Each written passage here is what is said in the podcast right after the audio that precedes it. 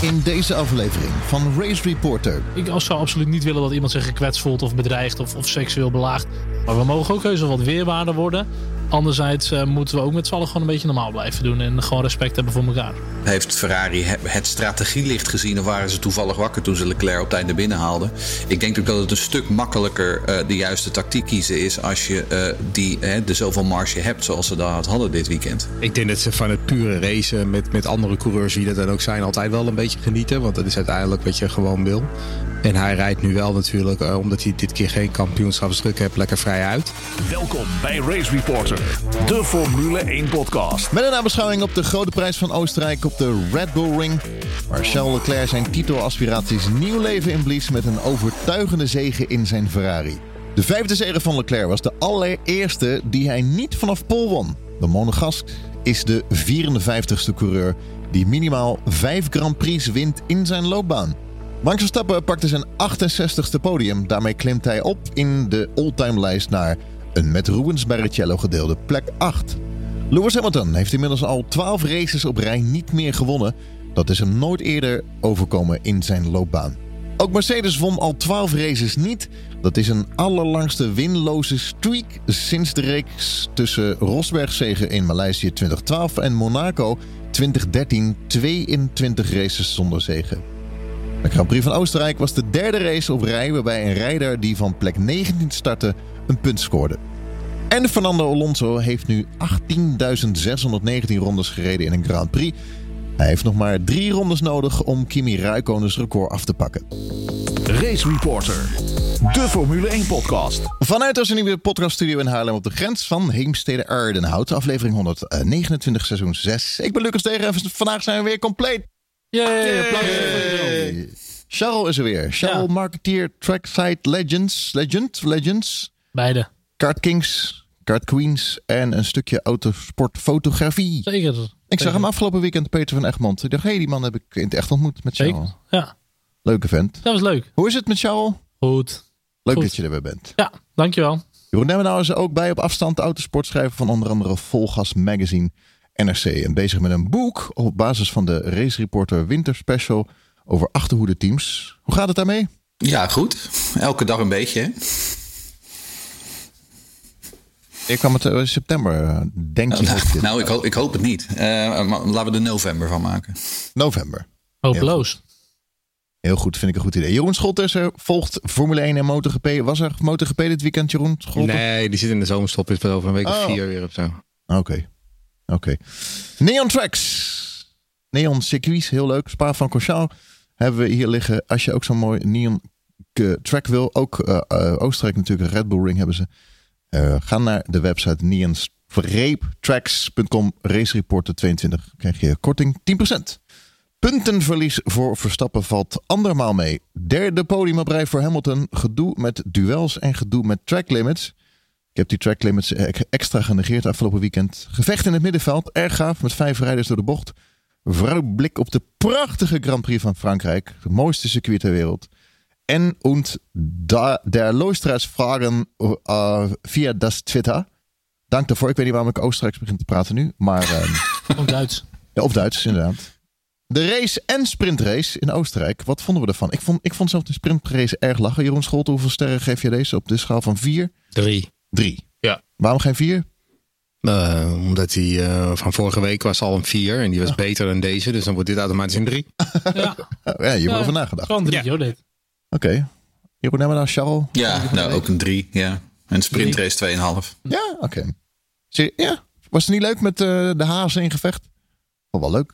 Weet je wat het meer is? Met die sprintrace, dan heb je met kwalificatie een beetje ja. een andere rangschikking. Ja. En eigenlijk door die sprintrace wordt het alweer gelijk getrokken. Dus start je eigenlijk de race zoals nou, je is... verwacht op niveau van de grid een beetje, zeg maar. En dat, dat had je liever in de race gewoon willen zien, denk ik. Daar blijf ik altijd op tegen hebben. Er zijn er sommige, ik las een, uh, iemand die zei van, uh, joh, doe dan gewoon die sprintrace een losse race maken. Op basis van Q1 bijvoorbeeld ga je starten. En uh, de, op basis van Q3 start je de hoofdrace. Dan ben je niet meer dan kun je niet, je, als je een slechte kwalificatie hebt, kun je niet weer voor de Grand Prix goed maken, zeg maar. Als sprintrace nou, moet je zou gewoon... wel iets beter. Ik heb het liever helemaal niet, maar dat zou al wat beter zijn dan dit, zeg maar. Sprintrace moet je gewoon eigenlijk, als je de race hebt, en dan omdraaien en dan nog een sprintrace doen daarna. Was lachen. Gewoon een, maandag, gewoon een maandagmiddag, zeg maar. Vind je dat? Ja. Op maandagmiddag sprintrace. Ja. oh, dat kan ook nog, ja. Als de uitslag ons niet bevalt, doen we nog een sprintrace erachteraan. Ja, toch? Ja. En hoe noemen we die dan? Dan de after. De. Ja, whatever. uh, hoe kwam, maar even kort, hoe kwam het uit in jullie weekendschema? Want zo'n sprintrace is allemaal wel leuk. Maar je hebt natuurlijk uh, kwalificatie, sprintrace. ik wil niet te negatief zijn over de sprintrace. Maar ik zit er gewoon op vrijdag. Dat doe ik vaak een beetje trainingje gluren uh, tussen de bedrijven door een beetje. En ineens, oh, ik moet kwalificatie nu gaan kijken. En die wil ik absoluut niet missen. Ja. Trainingje vind ik nog niet zo erg. Dus ja, ik ben er niet zo'n groot voorstander van. Nou, je, je, je devalueert de kwalificatie ook gewoon een beetje in mijn ogen. Door het ten eerste naar een vrijdag toe te brengen in plaats van een zaterdag. En ten tweede is het gewoon wat minder belangrijk. Want je kan je positie, wat we net al zeiden, weer goed maken. En kwalificatie vind ik altijd gewoon een van de hoogtepunten van het hele weekend. En dat devalueer je nu. Laten we het hebben over het duel tussen Leclerc en Verstappen. Ik vond het fantastisch. Ik vond het echt leuk. Ja, nou ja, goed. Het was ik vond het een aardige race. Ik vond het eerste duel tussen Leclerc en Verstappen wel oké.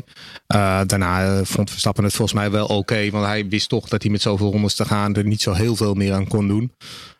het was vooral denk ik een, een wedstrijd waar we gewoon... Het, het, leuke was de, de vele gevechten die er waren in het middenveld. En er waren wat... wat domme gevechten, dacht ik dan. Hè, met, met Checo en met, met Vettel en Gasly daar. En dus ja, we hebben wel van alles kunnen zien. We hebben op een gegeven moment inderdaad vijf mensen die op één bocht af kwamen rijden. Dus ik denk wel dat het een hele vermakelijke wedstrijd was. Uh, maar ik vond het duel tussen Leclerc en Verstappen in dit geval niet groots of zo. Uh, daarvoor was het verschil uh, in snelheid gewoon te groot. Ja, dat is het. Hè. Het was in die zin niet echt. Het was niet echt een duel, zeg maar. Er werd nauwelijks gevochten tussen die twee. Want uh, Leclerc had zodanig de overhand.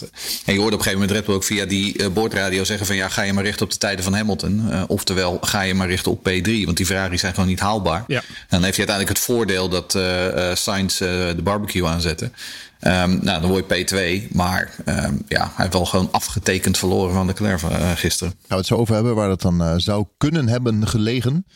Uh, ik wilde het wel even hebben over Perez. Toen hij die bocht aankwam, zei ik nog, ik schreeuwde naar mijn tv, Perez, niet doen. Nee. En hij deed toch. Je rijdt met een Red Bull in Red Bull ah, land. Ik vind uh, na al die jaren op de Red Bull Ring Racing, of de uh, race rond op de Red Bull Ring, dan moet je inmiddels weten dat er ieder jaar gaan er daar in die bocht, als je het buitenom probeert, ga je eraf. Altijd. En dat gebeurt iedere keer. En ik ja. vind het gewoon ontzettend onnodig, omdat in de eerste ronde met een snelle auto, moet, dat moet je dat helemaal niet doen. Ik vind het gewoon, en dan kan je wel, hè, volgens de letters, de wet was, was Russell de schuldige, dat zal wel kloppen, omdat Perez Tegenwoordig is zoals de buitenste iets voor ligt, dan moet de binnenste hem laten gaan. Hè? Je kent ergens heen aan die binnenkant. Dus dat zal best wel kloppen voor de letter der wet. Maar ik vind het gewoon een, een nodige actie. Ja, nee, volkomen oliedom. Het in tranen gaat eindigen. En, en, en ja, het, het, eindigt altijd in tranen. En dat is gewoon heel lastig. Het is ook enerzijds jammer. Maar als je aan die binnenkant zit en je ziet gewoon op die, die stuurlok, je kan niet verder. Ja, op een gegeven moment kan je gewoon niet, uh, niet in het niets verdwijnen.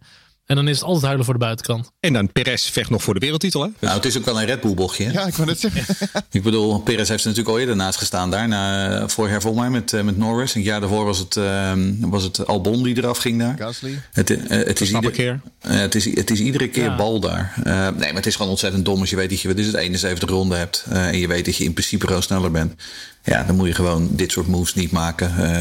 Perez had gewoon veel en veel beter moeten weten met al zijn ervaring. Strategisch gezien kunnen ze dus ook niet weer leunen op Perez. Met, uh, met het ophouden van de Ferraris of wat dan ook. En dus, nee. ja, het is gewoon 2 tegen 1 en dan uh, leg je het helemaal af. En ik vond hem in de sprint nog zo goed. Hij had natuurlijk een matige kwalificatie. Dertiende volgens mij, omdat hij terug was gezet natuurlijk. Voor die gekke track limits weer. Maar dat ook alweer in de kwalificatie. Hoe vaak hij wel die track limits had. En uiteindelijk gewoon uh, geen ronde kunnen zetten die goed genoeg is voor Q3. Ja, dat is... Eens.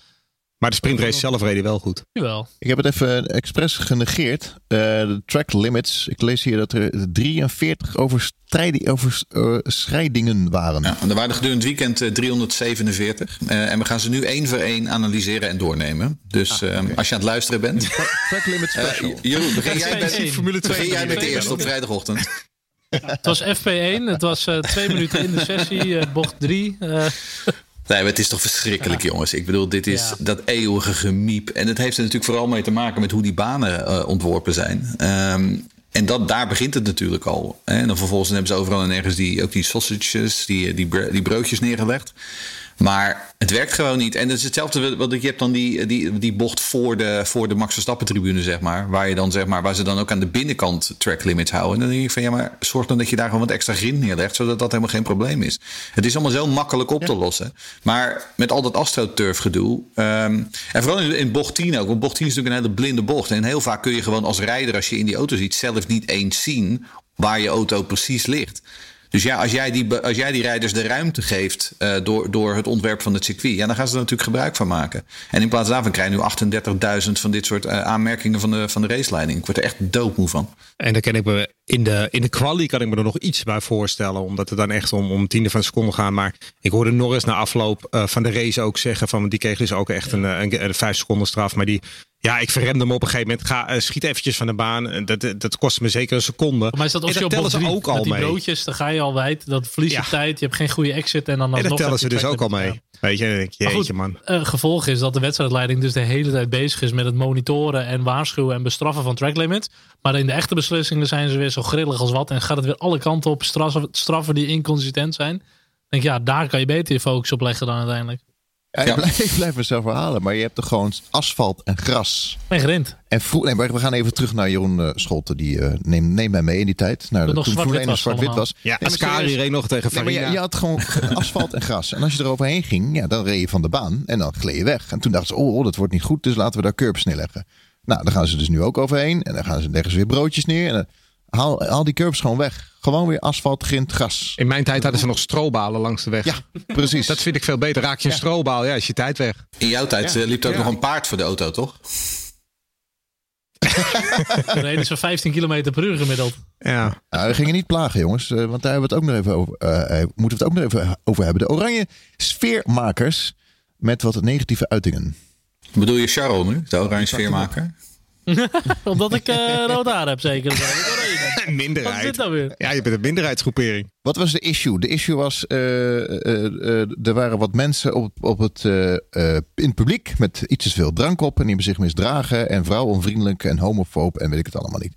Dat is ja, al geroepen en dat wordt op Twitter dan helemaal ge, uh, opgeblazen. Als nou ja, dat zijn liedjes als uh, alle Duitsers zijn homo. En uh, als een vrouw, dame langsloopt met, met zo'n mandje met ijs die ze verkoopt, dat, wordt er, daar moet de piemel in geroepen, gezongen. Dat, zijn liederen die de meeste Nederlanders, denk ik, van verschillende festivals, voetbalwedstrijden en ook Formule 1 wedstrijden al jarenlang horen ja, uh, de wereld is veranderd en er zijn mensen door gekwetst. En uh, misschien moeten we overstappen op een ander repertoire. Dat zou misschien uh, kunnen. Het zijn meestal maar liedjes van één zin die je dan veertig keer herhaalt. Dus op zich moet het wel lukken om een nieuw tekst te schrijven, denk ik. En met slechts een aantal hersencellen moet je hem ook kunnen onthouden. Hè? Moet dus ook kunnen, ook geen, ja. ja. Nee, maar het is wel zo. het schijnt natuurlijk wel zo te zijn dat er heel veel mensen zijn die zich onveilig hebben gevoeld afgelopen weekend. En dat is natuurlijk wel iets serieus. Ja.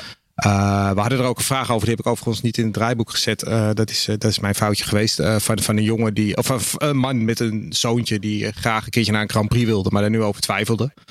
Um, ik moet heel eerlijk zeggen, door alle toestanden rond Verstappen en Hamilton, uh, wij hebben begin dit jaar overwogen naar Silverstone te gaan. Maar ik ga ook altijd met mijn zoontjes. En uh, ik had al zoiets van, nou, ik doe het maar eventjes niet. Want ik weet niet hoe het in Engeland is richting de Nederlanders. Dus ik sla hem even over. Uh, maar de Red Bull Ring, daar ben ik vaak geweest. En ook op de campings. En ik heb er altijd een, een fijne sfeer gehad. Altijd veilig gevoeld. Maar goed, wij zijn wel natuurlijk van de Max Verstappen petjes. Mijn zonen althans. dus dan kan dat ook veilig. Ik vind hem uh, een beetje tweeledig. Enerzijds, kijk, ik ben een liefhebber van de sport en niet per se van Max. Dus een beetje meer een soort van purist. Uh, je merkt gewoon dat door Max Verstappen en het hype in Nederland. En het, weet je, het is een uh, ja, gemeende deler Max. Iedereen is Max-fan. Dus het trekt gewoon een ander publiek aan dan dat we gewend zijn. Prima, alle fans zijn welkom. Maar je merkt dat daardoor wel gewoon dus een andere doelgroep komt. Die iets anders in de wedstrijd zitten qua polarisatie. Alleen Max, de rest is slecht. Lekker zuipen, dat soort dingen. Nou, vind ik op zich nog niet zo'n heel groot probleem. Het heeft niet mijn voorkeur, maar lekker doen. En anderzijds merk je dat er natuurlijk ook wel een soort van, ja, moet je het noemen? Dat je, die, beetje die woke generatie, een beetje de, de verzachting in de maatschappij. Dat ook op een gegeven moment helemaal niks meer kan en mag en alles is kwetsend. Wat ik, ik zou absoluut niet willen dat iemand zich gekwetst voelt of bedreigd of, of seksueel belaagd. Vind ik vreselijk om te horen. Maar um, het heeft voor mij wel twee kanten. En dat vind ik lastig, zeg maar. We mogen ook heus wel wat weerwaarder worden. Anderzijds uh, moeten we ook met z'n allen gewoon een beetje normaal blijven doen. En gewoon respect hebben voor elkaar. Nou ja, je hebt het over de verzachting, de verzachting in de samenleving. Maar ik denk dat de verharding in de samenleving ook een rol speelt. Want uh, de Formule 1 vindt natuurlijk ook gewoon plaats in, het, jaar 2022, in het jaar 2022. Inderdaad, de samenleving polariseert. Dat vertaal, vertaalt zich natuurlijk uit, uiteindelijk ook naar sportwedstrijden. Daarnaast is het natuurlijk ook wel zo dat de Formule 1 probeert om nieuwe uh, supportersgroepen aan, aan te boren. Hè, vooral jongeren, uh, vooral vrouwen, want die zijn traditioneel onder, ondergerepresenteerd.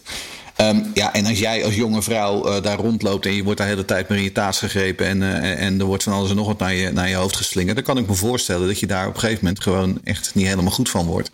Um, en dus, ja, wat krijg je dan? Dan krijg je dus hè, een statement van de FIA. Want de FIA gaat dan zeggen dat het onacceptabel is en dat ze met de security van het, van het circuit gaan werken. Wat natuurlijk prima is, maar de, de, het probleem is natuurlijk ook dat het ontzettend moeilijk controleren is. Want je kunt niet uh, voor iedere 300.000 supporters een een, suppose neerzetten. Dat gaat gewoon niet.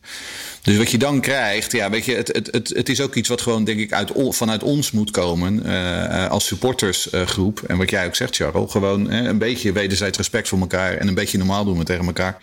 Het, het, is allemaal niet zo heel moeilijk. Maar voor sommige mensen, vooral als er wat alcohol in gaat, ja, dan wordt het opeens wel heel moeilijk. het is ook heel lastig, hè? want jullie hebben misschien wel dat film gezien van die, die Nederlandse uh, bezoeker. En ik noem het inderdaad weer geen fan. Die zo'n uh, Mercedes pet in de fik steekt en zo.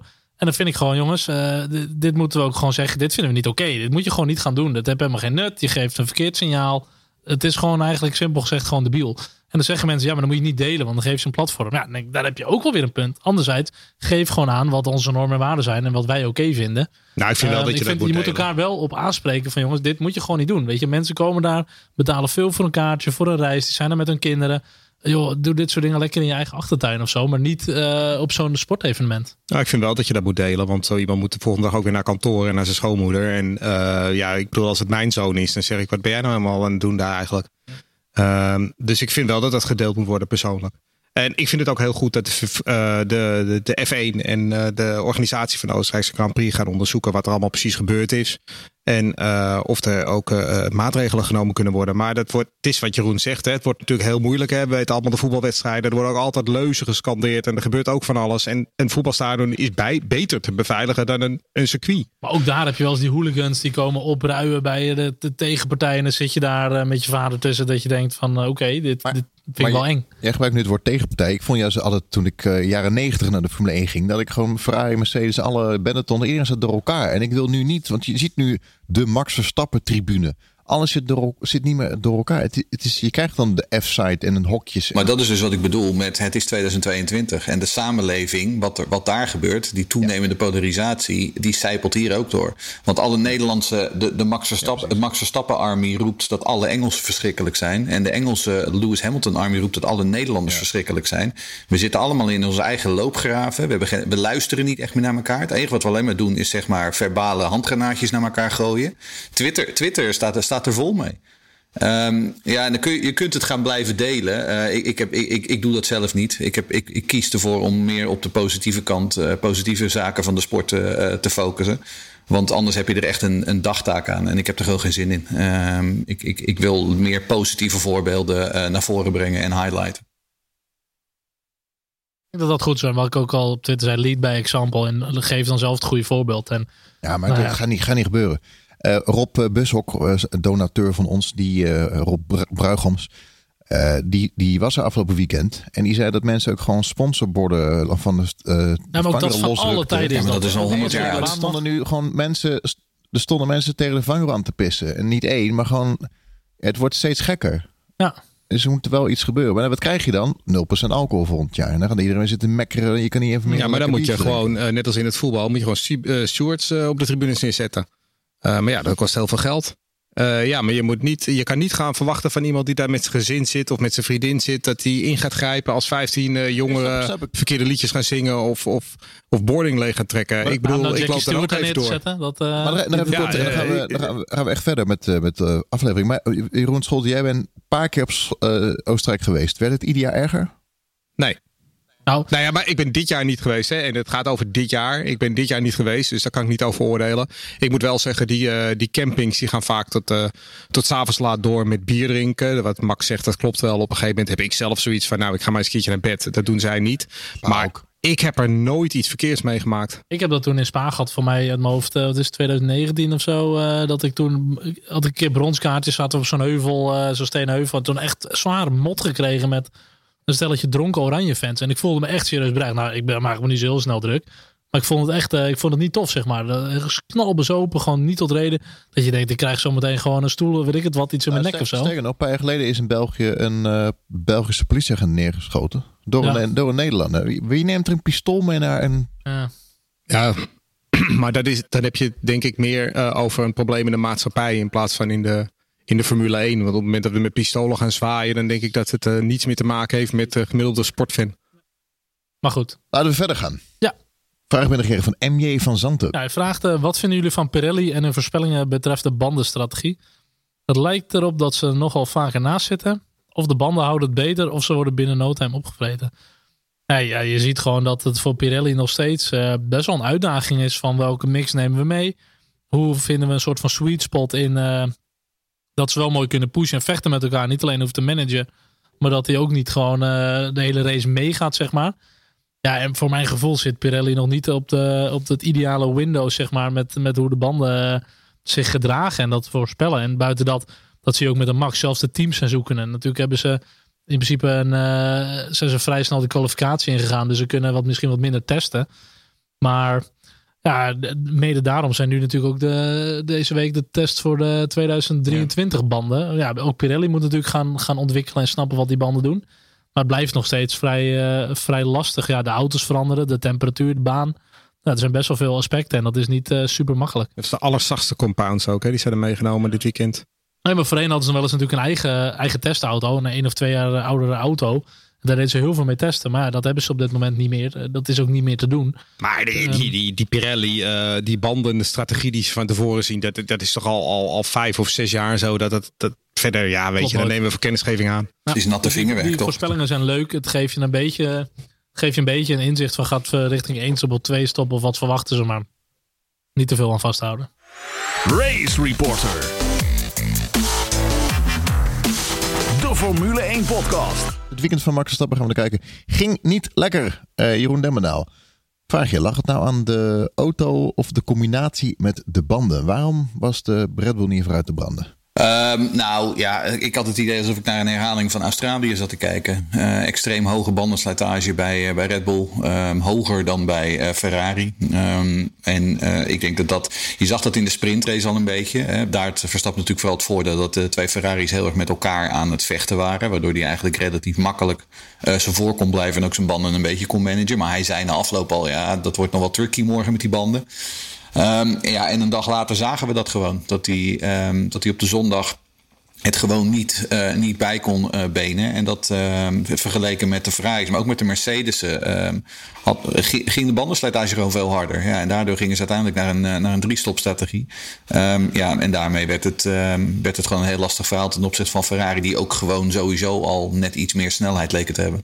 Misschien dat Max of Red Bull in ieder geval iets te veel dit keer op de kwalie ook hadden gegokt. Durf je niet zeggen. Dat zou kunnen. Voor Perez was het in ieder geval een poepweekend. Uh, Pol in de sprintrace, maar zondag geen kans. Uh, een vraag binnengekregen van Sven Brandsma. Uh, ja, Sven die vraagt: had het voor Max nog iets uitgehaald als ze hem tijdens de laatste stop of soft hadden gezet in plaats van de medium? Um, nou weet ik niet of hij überhaupt soft had, um, maar om heel te zijn, denk ik dat niet. Um, want dan vrees ik dat die softs ook gewoon veel sneller uh, uh, weer kapot waren gegaan.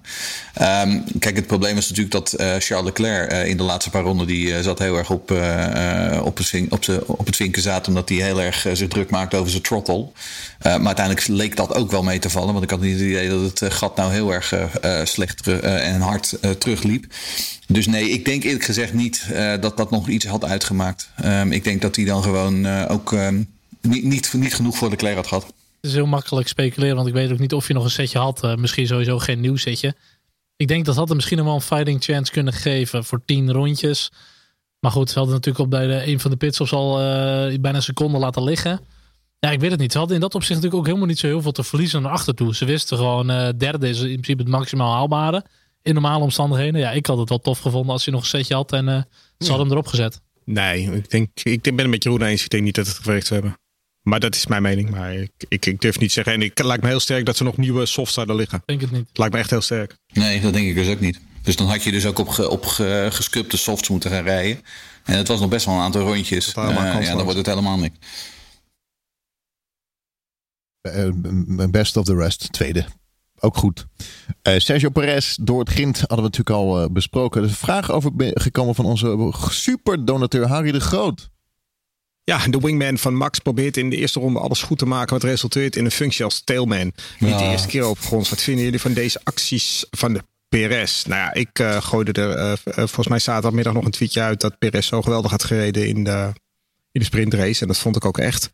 Ja, goed. Ik, hij maakt er meervoud van de acties. Ik vind over het algemeen dat Checo een hele goede racer is. En ook wel met zijn hoofd rijdt. Maar dat deed hij hier dus duidelijk niet. Ik uh, me ook een beetje tegen van hem dat hij deze move probeerde. Want ja, zoals eerder aangehaald, technisch gezien is het misschien de schuld van Russell. Maar het is gewoon een beetje oerdom om daar te proberen na al die jaren.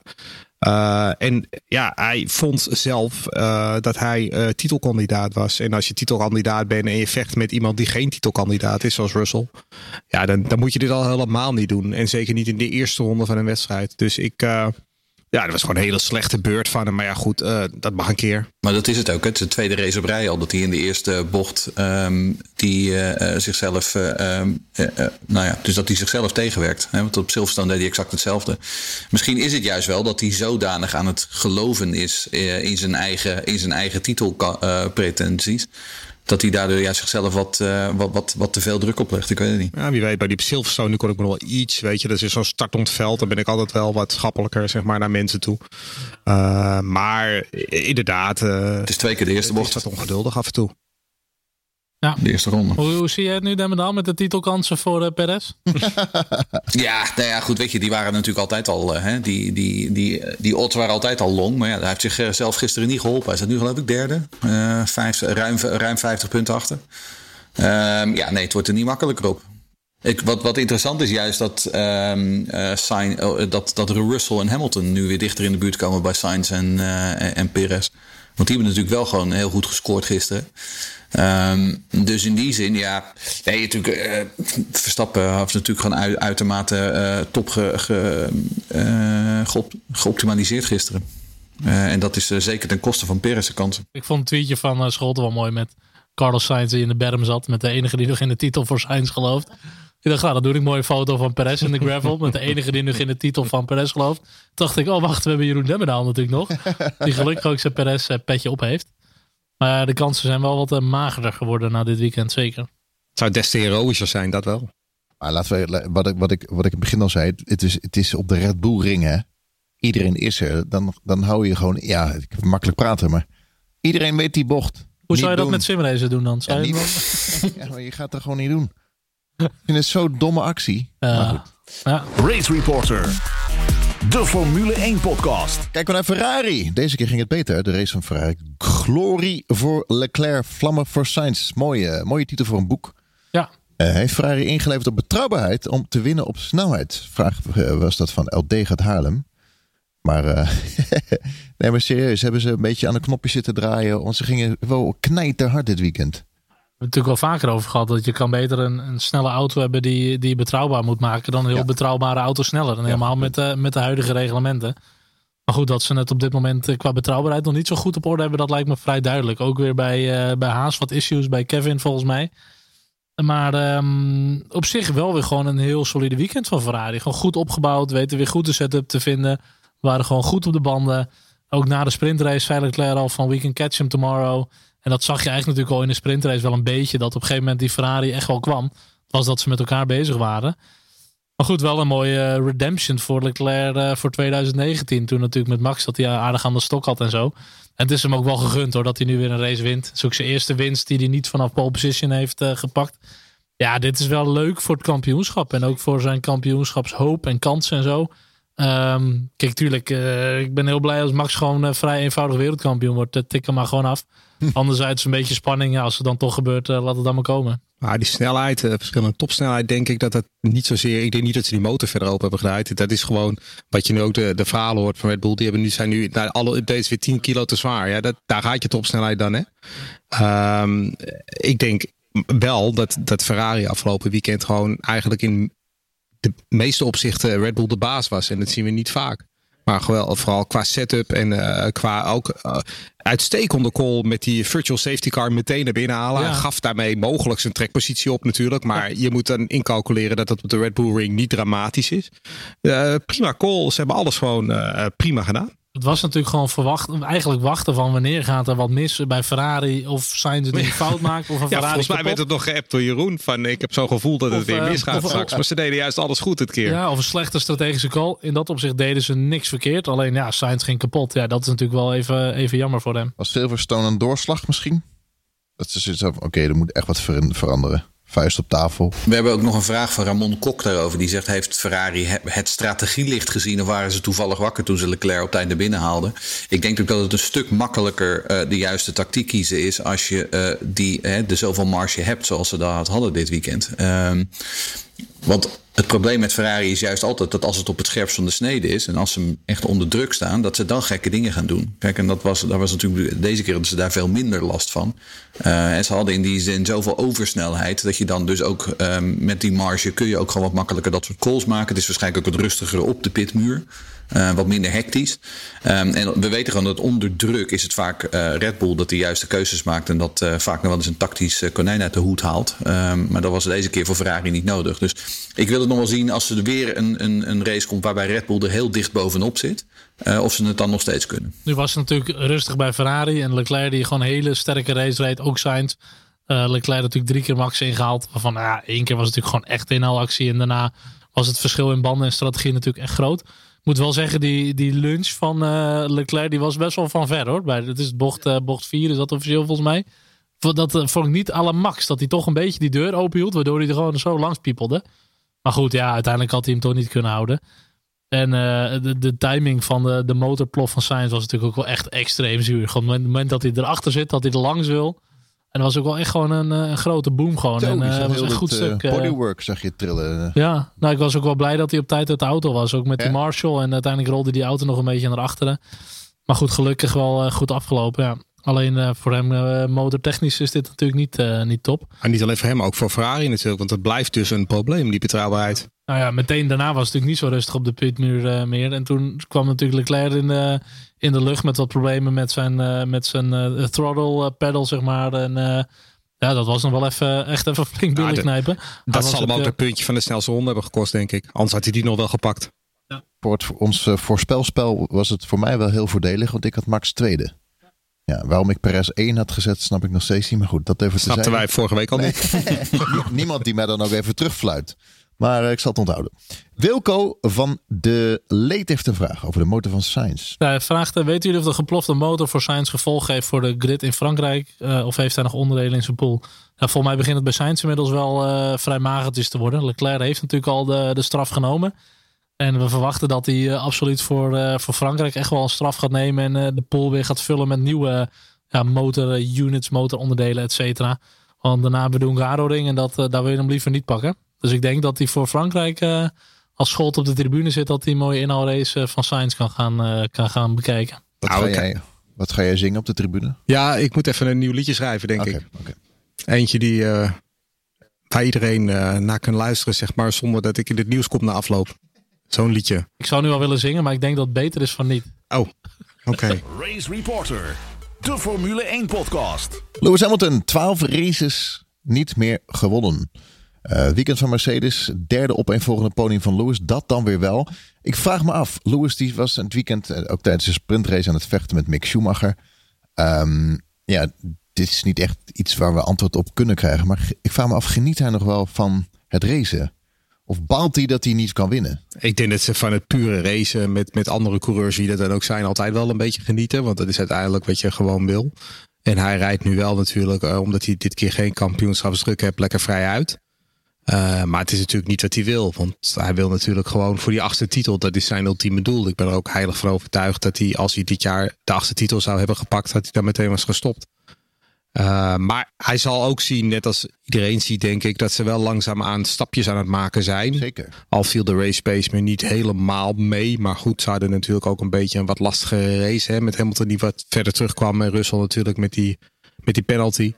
maar goed, op race pace moeten ze echt nog wel, ook nog wel een stapje maken.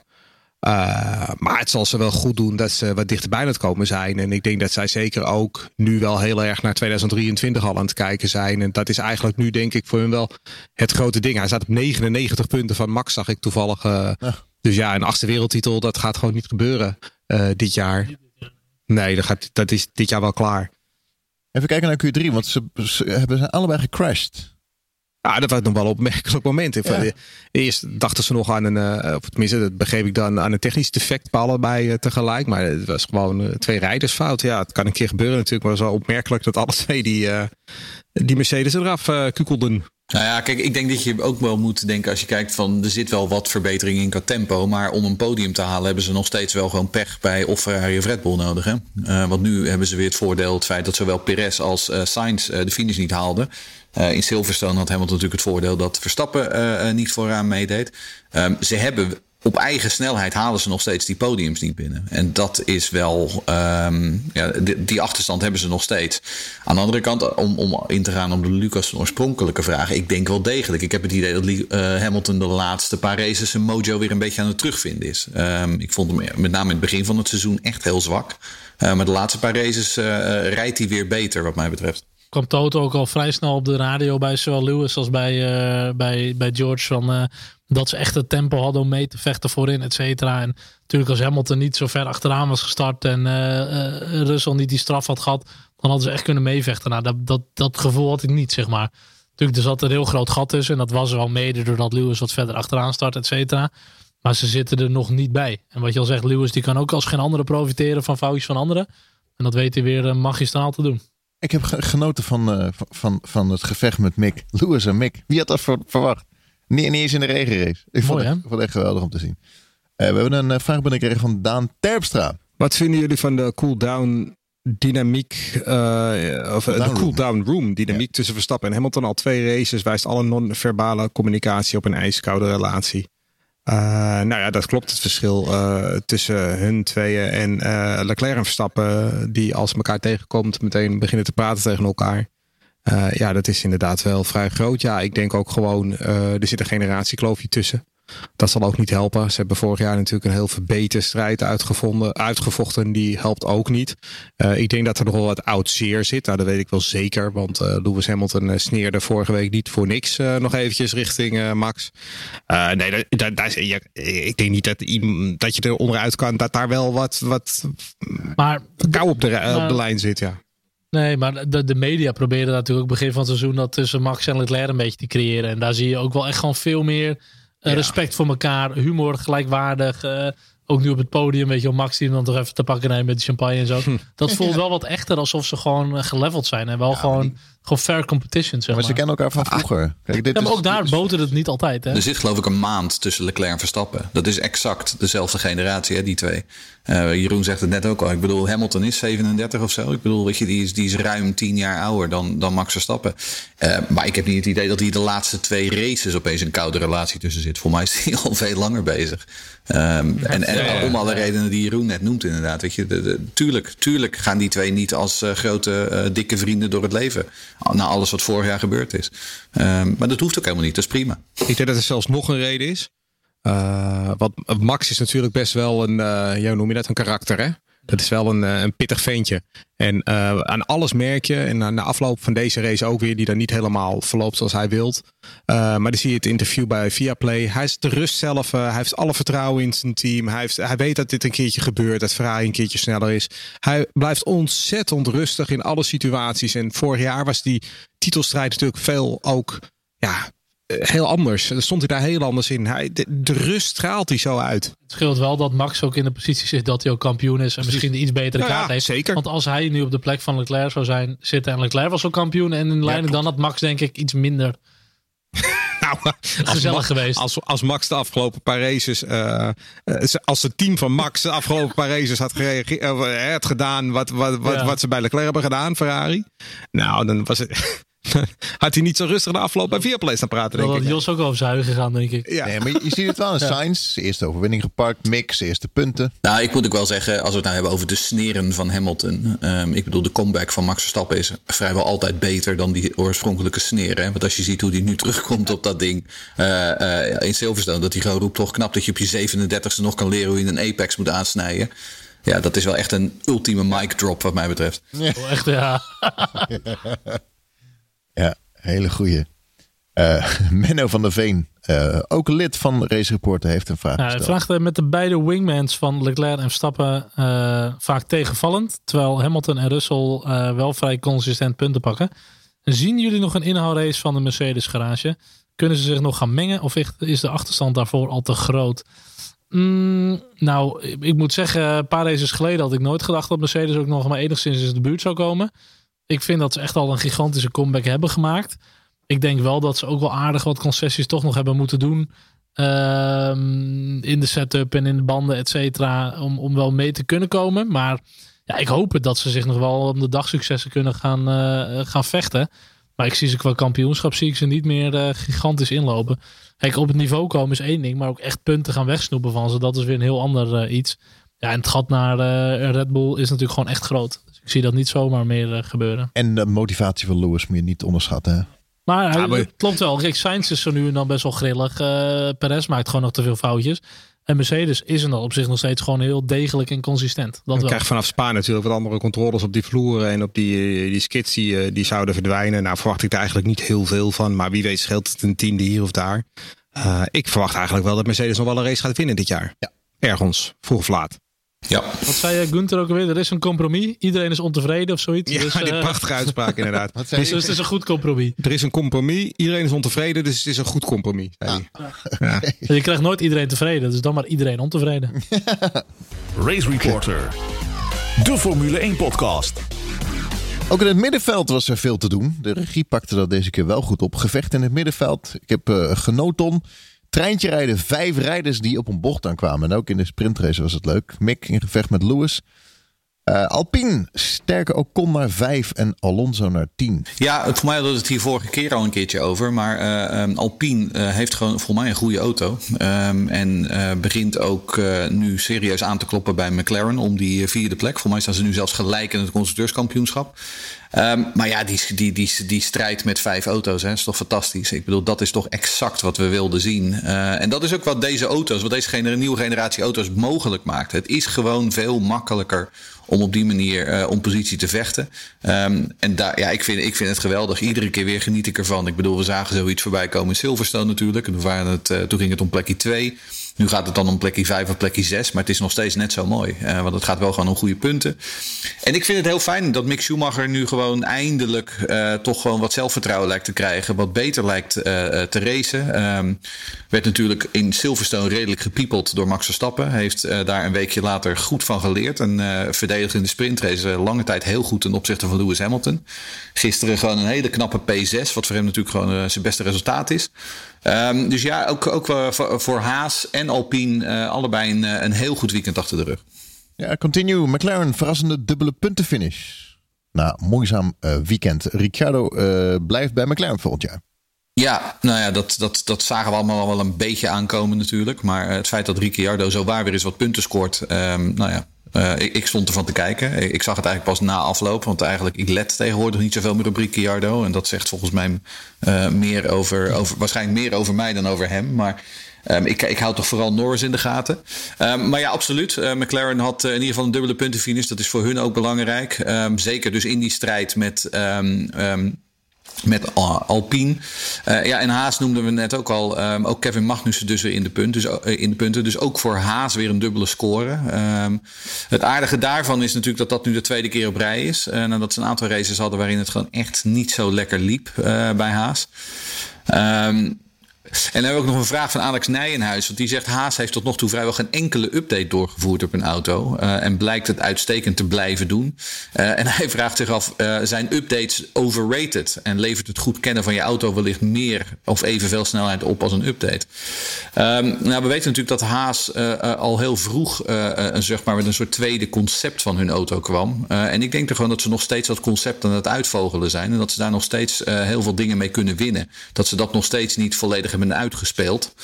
Um, en dat je daardoor, weet je, die, de noodzaak voor die update is misschien gewoon minder groot bij hun. Omdat ze voelden dat ze uit het huidige concept nog niet alles gehaald hebben.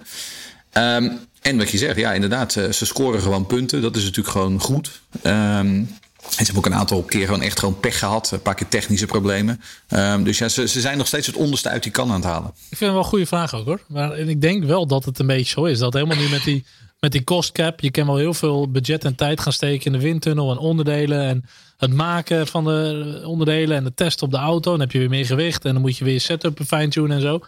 Ik denk misschien dat het uh, dit jaar, als je een goede basisauto hebt, dat het helemaal niet zo heel slecht is hoor. Dat je gewoon deze gaat optimaliseren en uh, dat je gewoon goed je auto leert kennen. En, uh, nou, maar goed, ze zijn nog steeds wel heel grillig. Want de ene race zitten ze er totaal niet bij. En dan ineens hebben ze echt weer een heel goede sweet spot gevonden. Ook een vraag moet ik echt van Dick Lichard. Uh, ja, Dick vraagt: uh, sorteert Mick met zijn recente prestaties op voor een langer verblijf in de Formule 1? Is er toekomst voor hem buiten Haas? Nou, als je mij dit twee races geleden had gevraagd, uh, want ik ben dan ook weer zo iemand van de dag, had ik gedacht: die jongen die moet helemaal weg en ik kan helemaal niks. En dat is wel een keer klaar nu, weet je al. En, maar en nu denk ik weer: wauw, die gast die doet het best wel even in één keer weer, weer leuk. Hij kan in één of nou ja, zeg anderhalf zwaluw maakt geen, geen zomer. Maar eh, ik, het viel me meer gewoon op dat er lijkt wel iets te zijn veranderd in zijn houding, in zijn mindset en in, in hoe hij het doet. Ehm, ook naast de baan en dus ook op de baan. En of dat is dat ze misschien verteld hebben van hé hey Mick, eh, volgend jaar is er geen plek. Dus hij rijdt misschien gewoon zo van shit, ik heb nu nog een half seizoen om mezelf echt te gaan bewijzen. Uh, ik weet het niet. Maar er lijkt gewoon, buiten het feit dat hij altijd goed doet, lijkt er ook gewoon iets te zijn veranderd of zo bij hem. Misschien dat hij een keer aan een puntje heeft geroken en nu ineens snapt hoe het werkt of zo. Ik weet het niet. Maar ik vind het wel leuker om te zien. Het is wel verfrissend weer. Ik denk, hey, zit een beetje pit in. Hij was ook een beetje altijd heel lief, hè? Het was een heel lief, heel lief jongetje. Niet zoals uh, zijn vader, zeg maar, uh, uh, was. en en we zagen hem ook wat commentaar hebben na de sprintrace op, op Magnus. En waarom hij niet langs mocht en zo. En of hij daar helemaal gelijk in had, dat weet ik niet. Maar ik vind wel heel goed dat hij dat ook echt benoemd in het openbaar. Nou, en ik vraag me af, kijk, het kan natuurlijk zo zijn dat hij aan het vechten is voor zijn kans. Wat ook zou kunnen, is dat hij juist nu alvast eh, weet dat hij uh, verlenging heeft gekregen voor volgend jaar. En dat daardoor dus ook, hè, dat hij ook daardoor weer wat meer zelfvertrouwen heeft gekregen. Dat er wat druk van zijn schouders af is. En dat hij daardoor wat vrijer rijdt. Uh, hoe dan ook, ik ben het wel eens met Charles. Een paar races geleden dachten we allemaal van ja, dit wordt nooit meer wat met die jongen. Maar um, hij heeft nu toch een beetje schoen gevonden. En dat zie ik liever dan dat hij maar een beetje terug op eh, P17 ja. rondrijdt. Kijk, puur op, op talent vind ik niet dat hij in de Formule 1 hoort. En juist omdat hij altijd best wel een slow starter was. En hij is natuurlijk ook een beetje zo de ideale schoonzoon. Weet je, qua Formule 1 helemaal een mediatraining, alles heeft hij gehad en het is te perfect. Waar Max nog dat hele mooie, dat ruwe, eh, directe randje had. En dat natuurlijke talent, dat heeft hij allemaal voor mijn gevoel niet. Maar ja, kijk, het lastige is, hij is verbonden in dat opzicht aan Ferrari. Ook natuurlijk veel historie met zijn vader. Dus ja, wat, waar kan je naartoe als je bij Ferrari? Kan je dan misschien nog naar Alfa? Nou, Ferrari zie ik hem echt nog niet uh, in de Ferrari stappen. Dan moet er wel iets heel geks gebeuren. Dus ja, buiten dat, ja, wat, wat zijn zijn kansen? Een, een Alpine of een McLaren of wat dan ook, zullen hem ook echt niet in huis gaan halen. Romeo? Ja, dat zou nog een optie kunnen zijn. Maar is dat nu zoveel beter? Nee, nee. Ook niet weinig, per se. Nee. Dat is een beetje lood om uit oud ijzer, oud ijzer. Dus ja, ik denk als hij gewoon bij Haas nog kan blijven rijden en hij blijft zich uh, uh, goed bewijzen, ja, wie weet. Maar ik zie geen grote toekomst voor hem. Aston Martin. Vettel werd er vanaf gekegeld door Stroll. Ook weer in de beroemde Red Bull bocht. Gasly. Gasly, Gasly ja. ja. Oh ja, ja, klopt ja. Gasly. Vettel. Vettel was er niet over te spreken. Maar laten we de andere teams nog even bespreken. Alfa Tauri, Alfa Romeo, Williams. Er niet veel uitvallers deze race trouwens. Latifi viel uit. Nee, nou ja, Vettel die had natuurlijk die had het over de radio over dat hij aan het racen was tegen clowns. Uh, dat was wel weer erg geestig. Um, ik, ik moet wel zeggen, dat ging dan om, om P14 of zo. Het is ook allemaal wel een beetje tekenend voor de situatie waarin Sebastian Vettel terecht is gekomen. Um, hij is denk ik vooral in het nieuws geweest dit weekend omdat hij uh, zijn grote klep heeft opengetrokken tegen uh, de FIA en tegen de, de race steward. Uh, en dat hij vervolgens boos is weggelopen, waardoor hij een, uh, een suspended fine van 25.000 euro kreeg. Je merkt gewoon aan alles dat het hem allemaal geen reet meer kan schelen. Hij, hij, is gewoon, hij is er gewoon klaar mee. Hij, hij, en ik, ik, ik ben er echt van overtuigd dat hij na dit seizoen stopt. Um, hij heeft gewoon zijn, zijn hoofd zit ergens anders. Zijn, um, zijn uh, mindset zit ergens anders. Hij richt zich nu inderdaad op. Hij had nu weer een helm met wat dan, waarmee hij aandacht vroeg voor, voor de bijen. Uh, want de bijen die, uh, die, die, zijn, uh, die worden bedreigd. Um, en dat zijn dingen van die ecologische en, en, en milieudingen. Dat is waar hij heel erg druk mee bezig is nu. Ja, en dat is wat mij betreft niet langer te rijmen na dit seizoen met rijden voor, voor, voor Saoedische oliemaatschappijen. Ik zie dat gewoon niet gebeuren. Ik weet het niet. Ik zou het wel, ik zou het niet eens zo erg vinden als hij nog een seizoen blijft. Ik vind het ook wel weer een mooi tegengeluid geven wat hij doet. Hoe hij zich beweegt en zo. er zijn natuurlijk heel veel kleurloze coureurs in het veld. Weet je, de, de ene die vindt Vettel super tof en de andere die mag hem niet. Maar ja, ik, ik hou er wel van om zo'n figuur uh, in de Formule 1 te hebben. Juist zo lekker onbevangen. Het maakt hem allemaal niet meer uit. Vind ik wel, uh, vind ik wel lach hoor. Vind ik wel goed. Ja, ik moet wel zeggen, als hij, uh, als hij echt in de auto zelf zit, dan is hij nog steeds wel. Hè, net als dat hij, dan is hij niet zo politiek correct als dat hij buiten de auto is, zeg maar. Dan begint hij over clowns en al dat soort dingen meer. dat, dat vind ik wel heel erg opvallend. Ja, nee, dat is het ook. Um, maar ja, aan de andere kant, hij rijdt nog steeds Sebast uh, hoe heet hij, uh, Stroll natuurlijk naar huis. Um, dat zie je ook gewoon wel weer. Um, nu in deze race zat dat er dan weer niet helemaal in. Maar dat had ook te maken met het feit dat hij natuurlijk uh, verder naar achteren werd gegooid. Um, ik ben wel met Charles eens. Ik zou hem graag er nog bij uh, zien, een jaar extra. Want ik ben altijd een groot Sebastian Vettel-fan geweest. Maar ik denk gewoon dat hij ermee stopt. Ik denk dat hij, dat hij hier klaar mee is. Uh, en Lucas wilde het dan ook nog over de andere teams hebben. Ja, naar Alfa Tauri en Alfa daar kunnen we, en Alfa Romeo, daar kunnen we heel kort over zijn. Uh, die hadden gewoon een dramatisch weekend. scoorden allebei nul. Bottas die reed op een gegeven moment nog geloof ik een beetje op P10 koers. Maar dat was vervolgens ook, die werd in de slotfase ook ingehaald door Alonso. Uh, en dan hadden we Williams. Um, ook Albon uh, snoof op een gegeven moment nog heel even aan een P10. Um, maar ook die uh, viel uiteindelijk verder terug. Um, dus ja, daarmee hebben we het, de grid alweer gehad. Alonso kwam trouwens nog wel goed weg. Die had een losse band volgens mij toen hij binnenkwam tijdens de virtual safety car. Die is nog wel goed weggekomen zonder straf. Dus ook dat. Ik schrok hem wel met de sprintrace. Dat ze toen van start gingen dat je in één keer die Alpine zag nog met de bandenwarmers. Ik dacht serieus, hij is dan vergeten of zo. Uh... Hij doet daar ik wel zoiets, daar is iets mee aan. Ik dacht, hoe is, ja. is dit dan weer? Maar, oh, wat uh, stom vergeten, bandenwarmers. Goed, alsnog een puntje gepakt, uh, kwam je wel goed mee weg, dit, deze race. Het WK gaan we naar kijken. Leclerc wipt over Perez heen naar positie 2. Er loopt vijf punten in op Verstappen. Nou, hebben we het al een paar keer over gehad. Dus natuurlijk stomme fout voor Perez. die kreeg wel eventjes een, een liniaal op zijn vingers, denk ik, van Helmut Marco. Um, en inderdaad, bij de teams. McLaren en Alpine evenveel punten, 81. En uh, ja, het is een grote kans dat Alpine voorbij gaat. Ja, ja, we zitten nu natuurlijk echt halverwege het seizoen. Dus nu mogen we wel echt onze mening geven. Ja, dat zijn natuurlijk fijn. respectvol en uh, zonder gekke liederen. Maar um, ja, ik denk dat, dat uh, na de eerste paar races hadden we hiervoor getekend. Dat Max nu dus 34 punten, 38, 38 punten, ja. ja. En uh, ook al denk je misschien, hele Leclerc is ingelopen. Alsnog heeft Max dit weekend uh, is hij vier punten uitgelopen naar P2. Dus zo slecht heeft hij het natuurlijk niet gedaan. Met uh, de sprintrace winst en de fastest lap. Perez, of Leclerc zat natuurlijk achter Perez. Dus ja, eigenlijk loopt Max gewoon uit in het kampioenschap. Na ja, je kan positief, dat had ik nog niet zo bekeken. Maar je kan het inderdaad op die manier zien. Ja, hij is vier punten uitgelopen. Uiteindelijk moet je ja. gewoon gaan kijken naar wie staat er op P2. En daarmee heeft hij zijn voorsprong vergroot. Um, uiteindelijk blijft Leclerc natuurlijk wel de grootste concurrent en, en niet Perez. Dus um, Nee, die zijn allemaal afgevallen nu, hè? De rest is allemaal... nu afgevallen dit weekend. ja. nou ja, nee, maar dat zeiden we vorige keer ook. Over een heel seizoen gaat Perez dat gewoon niet volhouden. Die gaat gewoon foutjes maken. En... Ja, maar Sainz ook. Ja, hij komt er nu niet meer onderuit. Uh, Sainz staat op, wat is het, 60 punten, 70 punten? Daar, daar, daar, daar, komen ze niet meer onderuit nu om, om hem aan de kant te laten gaan. Leclerc 170, Sainz 133. Dus daar zit wel een aardig schulletje tussen. Maar dat laten we aan Ferrari hoor. En Binotto heeft er ook wel zijn visie over, over dat vrij laten racen. Ferrari heeft natuurlijk ook een iets andere strategie, want die willen constructeurskampioen worden. En Red Bull die gaat toch, uh, neigt meer naar de, de coureurskampioen. Maar goed, uh, het ziet er op zich goed uit voor Max halverwege het seizoen. Maar het seizoen is ook nog, nog best wel lang. We hebben nu nog bijna net zo lang te gaan als het soms gewoon een heel seizoen was. Dus er kan nog een hoop gebeuren. Tuurlijk kan er nog een hoop gebeuren. Ik zit even naar de, naar de stand te kijken. Ik vind Bottas een beetje tegenvallen. Begon, die begon zo leuk dit jaar. We moeten wel even noemen natuurlijk dat zowel Ocon als Haas naar P7 in hun kampioenschappen zijn gesprongen. Dus dat is uh, nog wel het vermelden waard. Ja, goed punt, zeker. Maar goed, ja, de strijd in het middenveld, je ziet het op de baan, maar ook in het kampioenschap. Ja, ja die is gewoon nog heftig. Williams blijft gewoon achteraan en uh, dat is ook gewoon niets veranderd nog. En dat zie ik ook niet heel erg gaan veranderen. dat is wel opmerkelijk, hè? want we hebben het over Mercedes en zo'n slecht jaar. Maar die staan gewoon op 237 en McLaren en Alpine op 81. Hè? Dat is echt, er zitten echt lichtjaren tussen de top en, de, en wat daarachter zit. Ja, dat is echt bizar, ja. Moet ik wel zeggen dat Mercedes is natuurlijk ultra betrouwbaar. Ik zei trouwens ook kon P7, maar het is P8. We gaan kijken naar de Franse Grand Prix.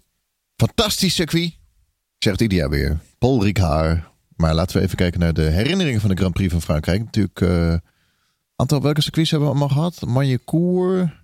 Uh, Paul Ricard natuurlijk. Je hebt Dion gehad. Uh, Dijon, Rouen. Ja, maar in, in ons bestaan. Reims. Reims. We hebben bijna de Grand Prix bij Disneyland gehad.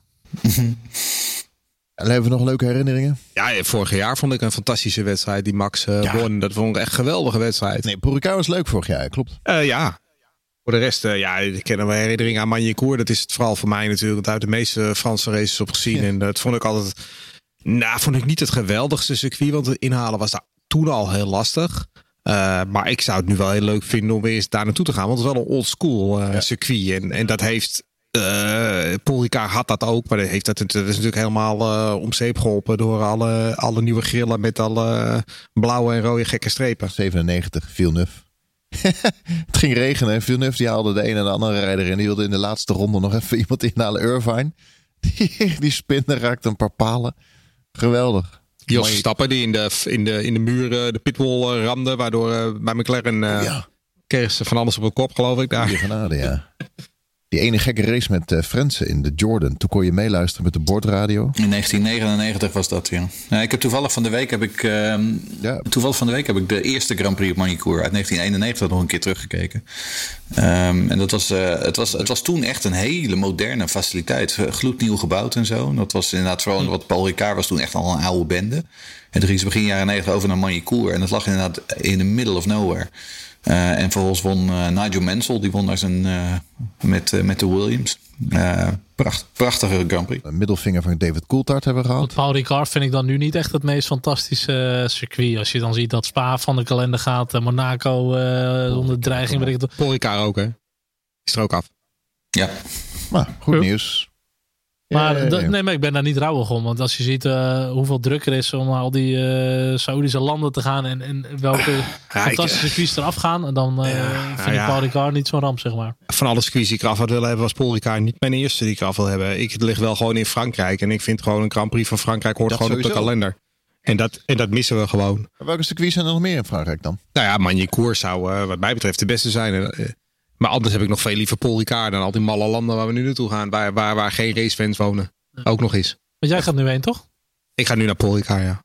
Wat ik was geroepen heb bij Paul Ricard. Waarom doen ze niet een beetje graven en dat zand wat ze hebben opgegraven leggen ze anders neer? Gewoon je eigen ja, maar dat is maken daar. Ja, maar en, nu maak je er wat van. Maar Le Castellet of Paul Ricard was vroeger een prachtig ja, mooi circuit. Ja, klopt, Met die Missile Straight en alles. Ze hebben daar nu rare chicanen tussen gegooid. Ze hebben al die, die, die, die, die grimbakken daar weggehaald. Het, het, is gewoon om zeep geholpen. Maar het, het, was van origine een prima layout om op te racen. Het is meer gewoon een testcircuit en je kan duizend layouts doen hoe heet het dan niet omzeep, maar inzeep. Breng het dan weer terug naar. Nou ja, maak er wat leuks van. Ja, ja prima. Stel maar voor. Ja. Ik zal eens even. Maar volgens mij is er ook niet zo heel veel uh, financiële belangstelling vanuit Frankrijk om die uh, race op de circuit of uh, op de kalender te houden. Dus ja, dan wordt het natuurlijk al heel moeilijk. We zullen niet diep in de buidel tasten daarvoor. Wat zijn jullie verwachtingen? Rijders? Ja, ik verwacht dat ik wel een leuk weekend daar ga krijgen. je weet het, hè? Geen rare leuzen of... Uh, ik ga niks zingen over, over, over piemels ergens in moeten. Of over Duitsers die, uh, die van de verkeerde kant zijn. Daar ga ik helemaal niet... Uh, nee, ga ik niet aan beginnen. Maar qua race? Nou, qua race, ja, je kan er wel op racen. Het, het, is niet zo dat je per se op, op minder leuke banen slechte races krijgt. Dat is zeker niet waar. Vorig jaar was leuk. Vorig jaar was een hartstikke leuke race. Dus uh, ja, en de verwachting is dat, uh, dat Red Bull uh, zijn problemen met, de met de banden wel op heeft gelost. Het is een ander soort circuit. dus ik verwacht eigenlijk dat, dat Red Bull en Ferrari daar gewoon weer volop voor de, voor de wedstrijd kunnen gaan. En Misschien stomme, misschien stomme vraag, maar zijn er van tevoren het jaar al uh, vastgesteld welke compounds uh, meenemen per circuit? Ja, dat wordt wel, nee, dat heb ik nu nog niet gehoord, maar dat wordt wel voor de race uh, beslist. Ja, de, de, in de loop van deze week zal dat wel bekend worden. Oké, want omdat natuurlijk in uh, Oostenrijk het uh, voor Red Bull niet zo goed uitpakte. Maar ze gaan niet in Frankrijk die allerzachtste compound van, uh, van Oostenrijk meenemen. Dat gaan ze niet doen, want in Oostenrijk was het volgens mij het hele weekend een beetje 19, 20 graden. En in, in, de, in Zuid-Frankrijk, midden in de zomer, denk ik dat je met veel hogere temperaturen te maken hebt. Dus.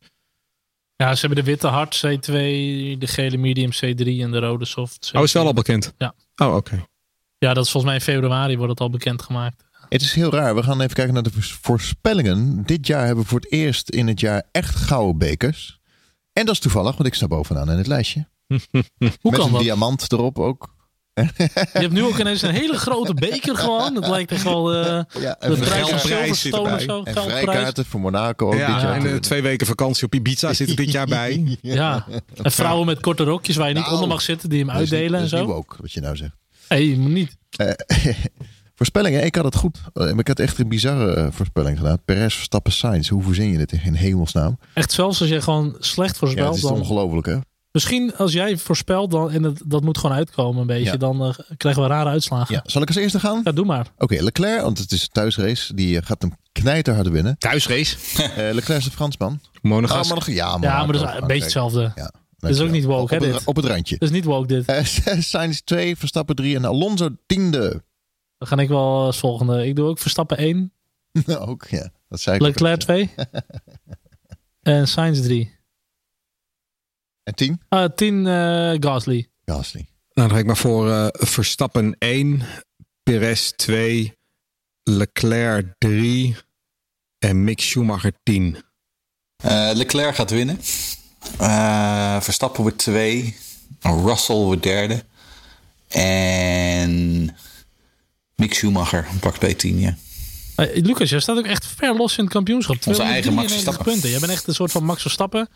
Jeroen Scholten 211. Dat is gewoon onze, onze Leclerc. En ik ben een soort van Perez. Gewoon eh, een beetje Ja, P3. eh, ik heb nog wel Ja, ik ben gewoon Ocon. zelf, Maar de rest eigenlijk niet meer, denk ja ik. maar het kan zo weer omdraaien.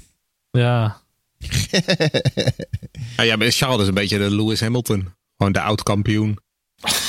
Die een beetje zagrijnig eh Het gaat ook voor geen meter eigenlijk meer. zijn voorspellingjes eruit gooit. Maar we hebben wel de beste crowd hier hoor. Met onze luisteraars. Dat zeker. En altijd, wij zijn altijd eh, ethisch verantwoord. En eh, dat is ook allemaal zo. Ik vond, Lewis noemde het hier ook weer de best crowd volgens mij. Terwijl Ja, als klopt. ik zo de media lees en hoe ze hebben misdragen, vind ik dat best wel heftig. hoor, ja, dat kill dat with kindness. Nou, dat, dat, dat, met dat ge, ge- gejuich tijdens een crash, dat vind ik ook wel echt een dieptepunt hoor. Ja, vind ik niet kunnen. Eens, punt. In Oost, in Silverstone deze vorig jaar ook. Wil niet zeggen dat je het Ja, dat- ook moet doen. Dat ja. zeg ik niet. Maar we moeten met z'n allen normaal doen. Ja, maar ik, Maar waarom hou je dan toch Silverstone erbij? Dat Nou ja, deden. nee, Focus toch gewoon op moet je gewoon eh, niet ja, doen. weet ik niet. nee, het is niet alleen. Ik zeg niet dat het alleen. Nederlanders Ja, zijn. maar dat is niet mijn punt. Maar ik moet wel zeggen dat eh, eh, na afloop van de wedstrijd, toen Lewis derde werd, werd hij wel toegejuicht. En dat vond ik dat, dat deed me dan wel weer een beetje goed. Maar eh, ik was op staande voor het vorig jaar. En toen kreeg Lewis alleen maar applaus. Hè. Dus- Nou, met uitzondering van die ene, met uitzondering van die ene idioot die bij ons op de tribune stond. Weet je dan nog, Cheryl? Die eh, telkens als Lewis voorbij reed, eh, dan, ja, dan nam die, Met die dat hij dat hij zijn middelvinger aan het opsteken was. En die werd op een gegeven moment ook gewoon wel flink overstemd door. Maar die werd ook flink overstemd Ja, door alle Max die Verstappen was fans. wel, bijvoorbeeld. eh, Dat vond ik ook wel fijn. Ja, die hebben toen ook wel even aan de Twitter schandpaal genageld. Dat je gewoon je middelvinger opsteekt naar Lewis. Elke keer als hij langs rijdt. Zo, ah, dat zal hem leren. Ja, Jij, jij schuimzak. hij. hij ziet dat ook. Hè. dat is wel- Hey, maar even, even, even terug over denk de, ja. even voor de spelling. Want ik wil nog wel even Daniel bedanken. Die houdt het al eh, tien jaar bij. Dankjewel Daniel. F1 Daniel underscore. Ik weet het tegenwoordig uit mijn hoofd. Op, op Twitter. Hey, wat is de weersvoorspelling voor de Grand Prix van Frankrijk? Heet. Heb je die nog? Warm. Gaat het nog regenen of zo? Nee, het wordt echt Het zou wel bloedheet. mooi zijn regen. Wel goed smeren. Ja. Uit Ja, wordt dan. smeren, ja. Wanneer ga je erheen? Ga je het hele weekend? Donderdag? ja, ik ga wel in dit weekend dat de race er is, ja. Oh, ja. goed om te horen. Nee, we gaan, we gaan eh, volgens mij eh, woensdag rijden of zo. En een overnachtingje. Want eh, dus we gaan in twee rijden. En dan eh, Is het je eerste keer? Frankrijk? Frankrijk is mijn eerste keer. Ik nog, gingen naar Hockenheim. Geheim, ja. Hockenheim. We gaan Spa, Oostenrijk, dat soort dingen allemaal. En die Frankrijk een keer, ja. De laatste keer, hè? 22, 22. Oftewel 22 juli. De eh, vrije training. De kwalificatie zaterdag om 4 uur. En weer zo wel van die gekke tijden. De race 24 juli om 3 uur in de middag. Paul Ricard. Spannend, spannend. Race Reporter wordt mede mogelijk gemaakt door een aantal leden. Goud en speciale leden noem ik op. Goud, Menno Turksma, Martin Verduin, Rens Verderne, Bas van Bodegraven, dankjewel. Niels de Boer, Ron Hazelbach, Hugon Elbersen, Jan-Joos Volmer, Jasper Heijmans, Jarno Dijkstra, Menno van der Veen, Ewart Albrecht, Kevin Rijmert, Maarten Evertsen, Rowdy Rabouw, Remco Zoon, Chris Niels Karin, Frank Thewe. Allemaal bedankt. Nieuwe leden Simone Prins, Alex Nijenhuis, Ramon Kok, Verry van der Bree en Rob de Voogd. Dankjewel Rob. Speciale leden Annelies Bier, Ties Roodhart, die heeft de verhuizing mogelijk gemaakt. Lotte Luiten, Jan Peters, Chris van Ditshuizen, Daan Legrand, Harry de Groot en Misa Kommeren. Super bedankt. Wil je ook lid worden? Ga naar f1podcast.nl. Dat is f1podcast.nl. Help ons de zomer door. Heren, dank jullie wel weer. En Jeroen Scholtom, heel veel plezier in Frans. Ja, en ik ben er pas uh, na Spa weer uh, voor de podcast. Hè? Ja, Hongarije sla ik ook even over. Ja, volgens mij hebben we helemaal geen vervanger ook. Dus ik denk dat we pas over drie afleveringen weer, weer opnemen. Het wordt pas weer november dat we compleet zijn. Ja, klopt. Ja, maar jullie zijn met z'n drieën. Hongarije, ja. Dat moet best kunnen, toch? Ja. Nou, heren, dank jullie wel. Yes, Dag. is goed. Hoi. Yo. Hoi. En we gaan nog een uh, groepsfoto maken. Ja. Yeah. Yay. Yeah. Je maakt een groepsfoto? Jij? Nou eens op met je groepsfoto. Charles heeft al twee Red Bull op. Ik ben vrij rustig, blijf ik eronder. En dan zeg je dat ik hier met twee Red Bull zit en jij zit hier gewoon een blikje mais gewoon rauw te eten. wat? Wat is dit? En ik zie nog een pot, uh, wat staat hier? Bieten of zo? Rode bieten, wat is dit? Ja, je moet de groente van hakken hebben, hè? Wat is dat? Rabarber. Rabarber. Ja, ik heb... Hou even op met Moré. Ja, maar ik heb helemaal nog geen keuken hier. In de... Ja, het is wel.